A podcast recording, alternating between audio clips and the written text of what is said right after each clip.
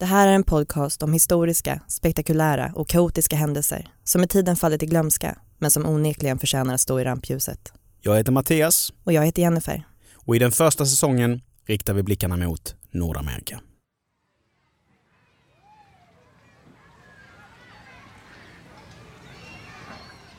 Saltstänk i håret. Sand mellan tårna. Galveston är en dröm för den som älskar havet. Det är här som ljuva sommarminnen blir till. Men man måste se upp. Vara vaksam. För när man är i havets våld är det hon som avgör ens öde. Du lyssnar på Kaos om Galston-orkanen.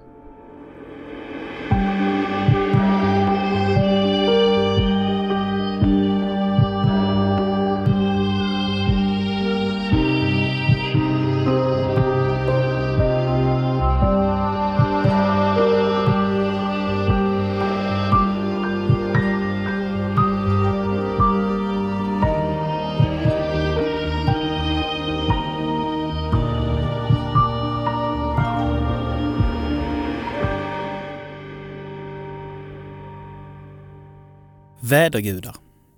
Moder Natur. Ishkur. Kallat vad du vill, men när sådana krafter flexar sina allra största muskler är den lilla, lilla människan snudd på försvarslös. Mycket kan vi kontrollera, men inte det. Men det är en sanning med modifikation i och för sig. För den globala uppvärmningen kommer att medföra mer och mer extrema väderförhållanden. Och det är ju en trend som vi faktiskt kan vända om vi så behagar.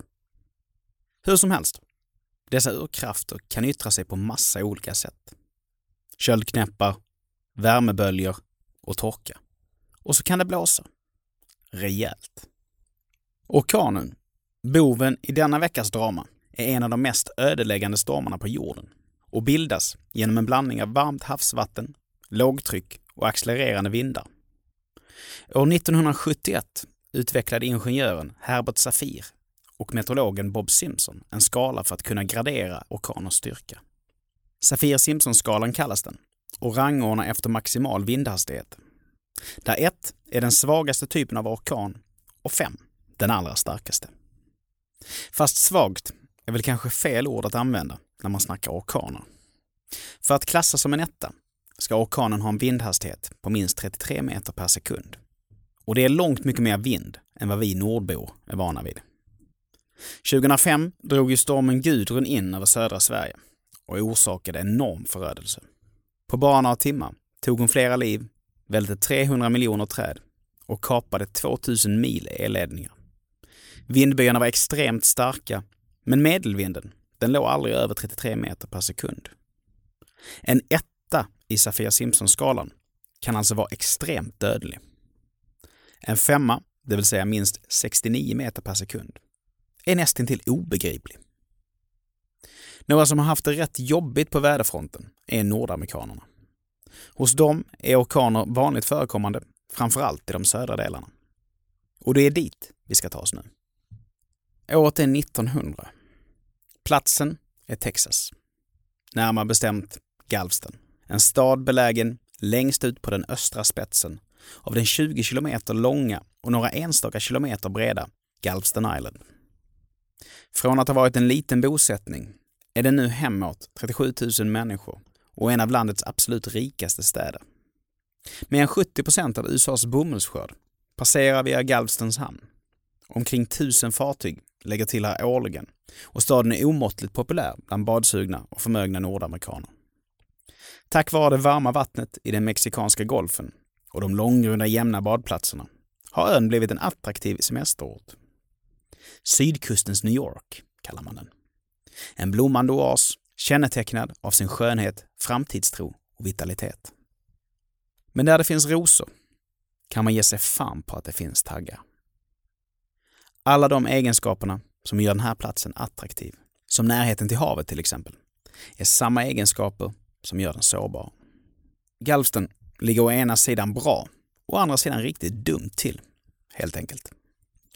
En bit utanför staden, precis intill stranden, hittar man Charity Orphanage. Ett pittoreskt barnhem där 93 föräldralösa barn och 10 nunnor bor. Precis som i andra storstäder runt om i Nordamerika härjar livshotande virus och infektionssjukdomar i Galsten. Gula febern och tuberkulos, för att nämna två. Och det är framförallt dessa vidriga åkommor som tagit barnens föräldrar. Och för att skydda de små från att smittas håller man dem borta från välbefolkade ytor. Här kan man leka fritt, på gräs och sand, i den friska, rena havsbrisen. Bland de tio nunnorna finns Elizabeth Ryan. En ung levnadsglad person, totalt hängiven sin livsuppgift. Hon är satt på jorden för att ta hand om dem som är allra mest utsatta. Att uppfostra, trösta, vårda och mätta. För henne är livet på Charity ett givande, rörande äventyr. Och på tal om att mätta. Matförråden har börjat sina och måste fyllas på. Det är tidig morgon, den 8 september. Och Elisabeth erbjuder sig att åka in till stans stormarknad för att handla. På vägen till galsten lägger hon märke till himlen. Den är ovanligt vacker idag. Som Pärlemo, i regnbågens alla färger. Väl framme i smeten börjar hon plocka upp små viskningar om en ankommande storm. Vardagsmat för invånarna på Galveston Island. Och Elizabeth har ju personligen sett hundratals komma och gå. Hon måste bara komma ihåg att samla ihop barnens leksaker som ligger utspridda på tomten. Det vore ju tråkigt om de blåste bort. Medan hon går på marknaden och bockar av inköpslistan kommer ett välbekant ansikte fram till henne och råder henne att stanna kvar i stan tills stormen passerat. Det kommer bli en stor storm sägs det. Större än vanligt. Elisabeth ler och rycker lite på axlarna.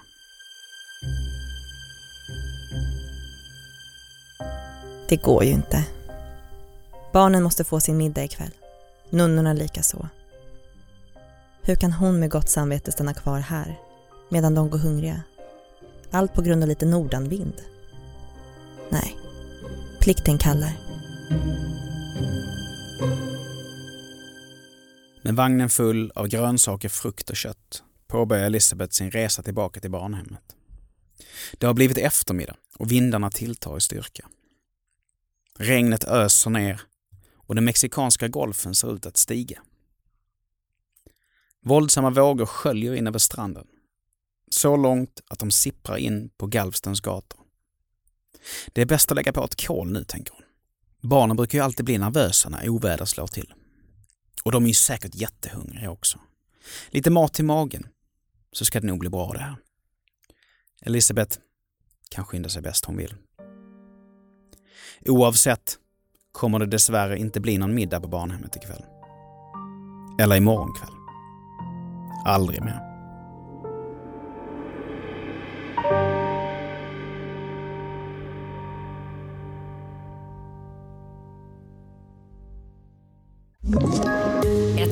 Poddtips från Podplay.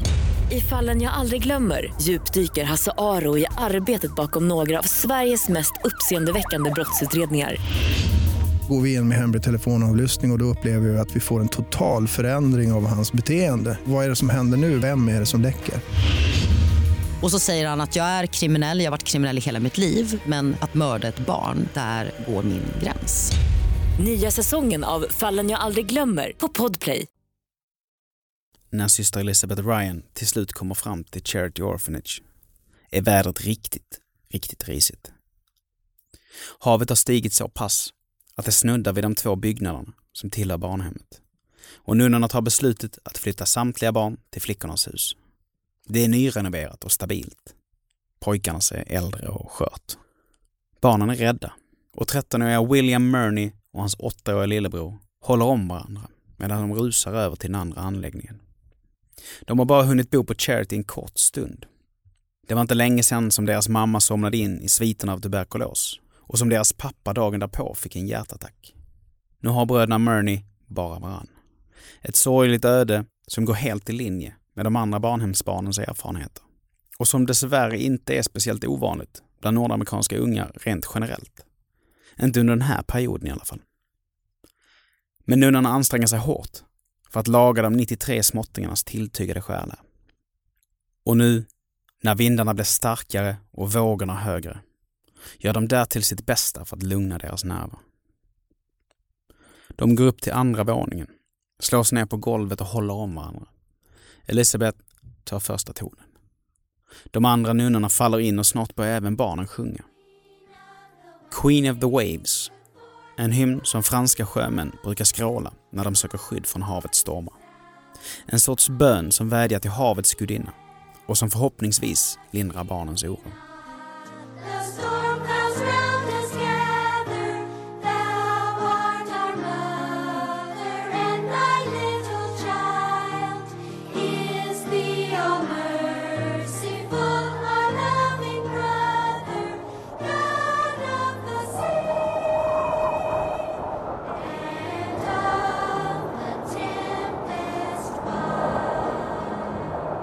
Klockan sju på kvällen smäller det ordentligt. Vindarna uppnår orkanstyrka och nunnorna och barnen hör skräckslaget på medan pojkarnas byggnad rasar. Floden som orkanen för med sig fyller den första våningen i flickornas hus och stiger sakta men säkert upp mot den andra. Några av nunnorna samlar ihop ett gäng klädlinor som de fäster kring flera av barnens midjor och slutligen kring sina egna handleder. En desperat tapper och självuppoffrande åtgärd. Strax därpå lyfter flickornas byggnad från marken. Och det är ungefär här som det börjar göra riktigt jäkla ont i hjärtat. För taket rämnar och nunnorna och barnen blir instängda. Det finns ingenstans att ta vägen och vatten är överallt. 13-åriga William Murney kollar desperat runt efter sin lillebror. Han får syn på honom och lyckas få fatt i hans hand. Och så klämmer han. Så hårt han bara kan. Skriken runt omkring blir bara högre och högre. Kaoset mer och mer intensivt. Men för William stannar världen upp. Han känner den lilla handen i sin. Den är det enda som betyder något nu. Han får inte släppa taget. Men så plötsligt lossnar en träpåle från taket. Den faller ner över bröderna och skiljer dem åt. När William vaknar till efter smällen sitter han på en trädgren, fastklamrad vid stammen. Han har ingen aning om hur han kommit dit. Och hans lillebror syns inte till någonstans. I samma träd sitter två andra pojkar. Nioåriga Frank Madeira och elvaåriga Albert Campbell. Flickornas byggnad har blivit bråte och under trädet flyter livlösa nunnor och barn förbi, fastknutna vid varann. Syster Elizabeth påträffas med de två yngsta barnen i sin famn. William har senare berättat om hur han hörde henne lova småttingarna att inte släppa taget. Och det gjorde hon inte. Inte ens i döden. De begravs som de hittas, i en evig kram. Av de tio nunnorna och 93 barnen som för bara några timmar sedan hade fyllt Charity Orphanage med liv och rörelse är det alltså bara William, Frank och Albert som överlever. Och det är deras berättelser om vad som hände den här kvällen som vi delar med oss av. Och tro oss, vi vet att det här är smärtsamt. Men det hände. Och hur ont den här händelsen än gör är den jobbigt nog bara en liten del i det stora hela. Orkanen som precis svept fram över Galveston och trakterna runt omkring uppnådde en vindhastighet på 67 meter per sekund. En fyra på Safia Simpson-skalan, om ni minns. Snudd på en femma. Kvarter efter kvarter har kollapsat. 3600 hem är totalförstörda. Tusentals har skadats och runt 8000 människor har dött. Tror man. Vissa säger 12 000. Katastrofen är så pass omfattande att man helt enkelt inte har möjlighet att upprätta en trovärdig lista på antalet omkomna. Det enda man vet är att man hittat tusentals kroppar. Och tusentals har gått upp i rök.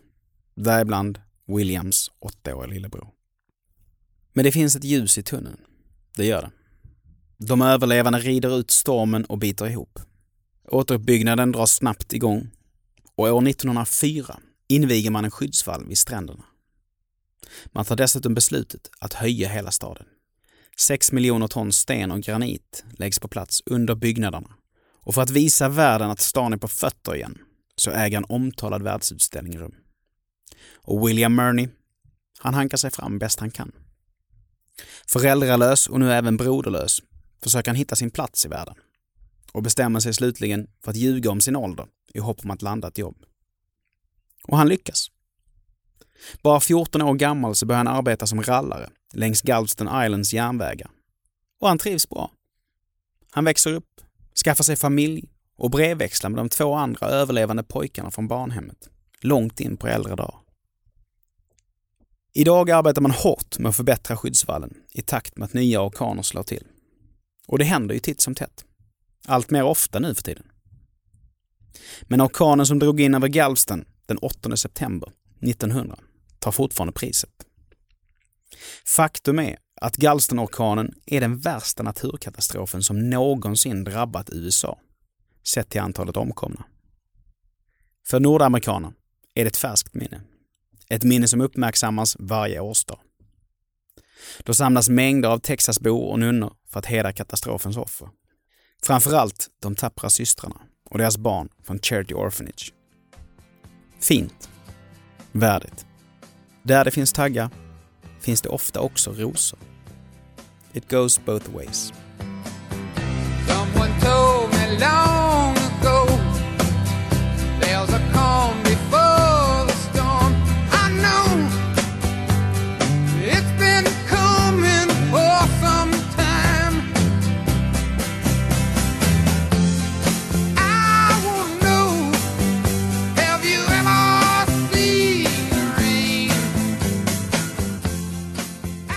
Du har lyssnat på Kaos om Galveston-orkanen.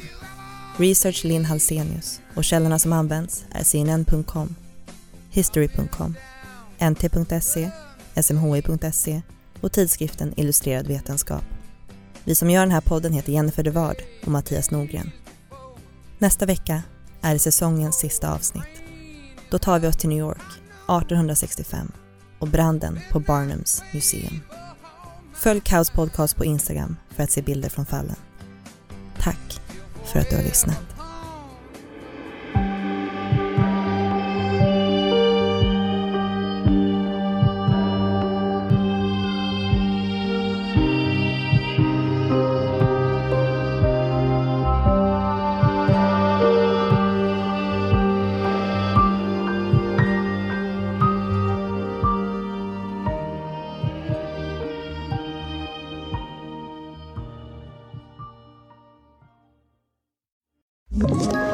Ett poddtips från Podplay.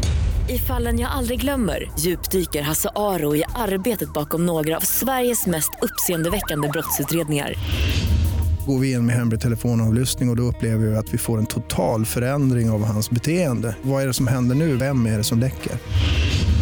Och så säger han att jag är kriminell, jag har varit kriminell i hela mitt liv men att mörda ett barn, där går min gräns. Nya säsongen av Fallen jag aldrig glömmer på Podplay.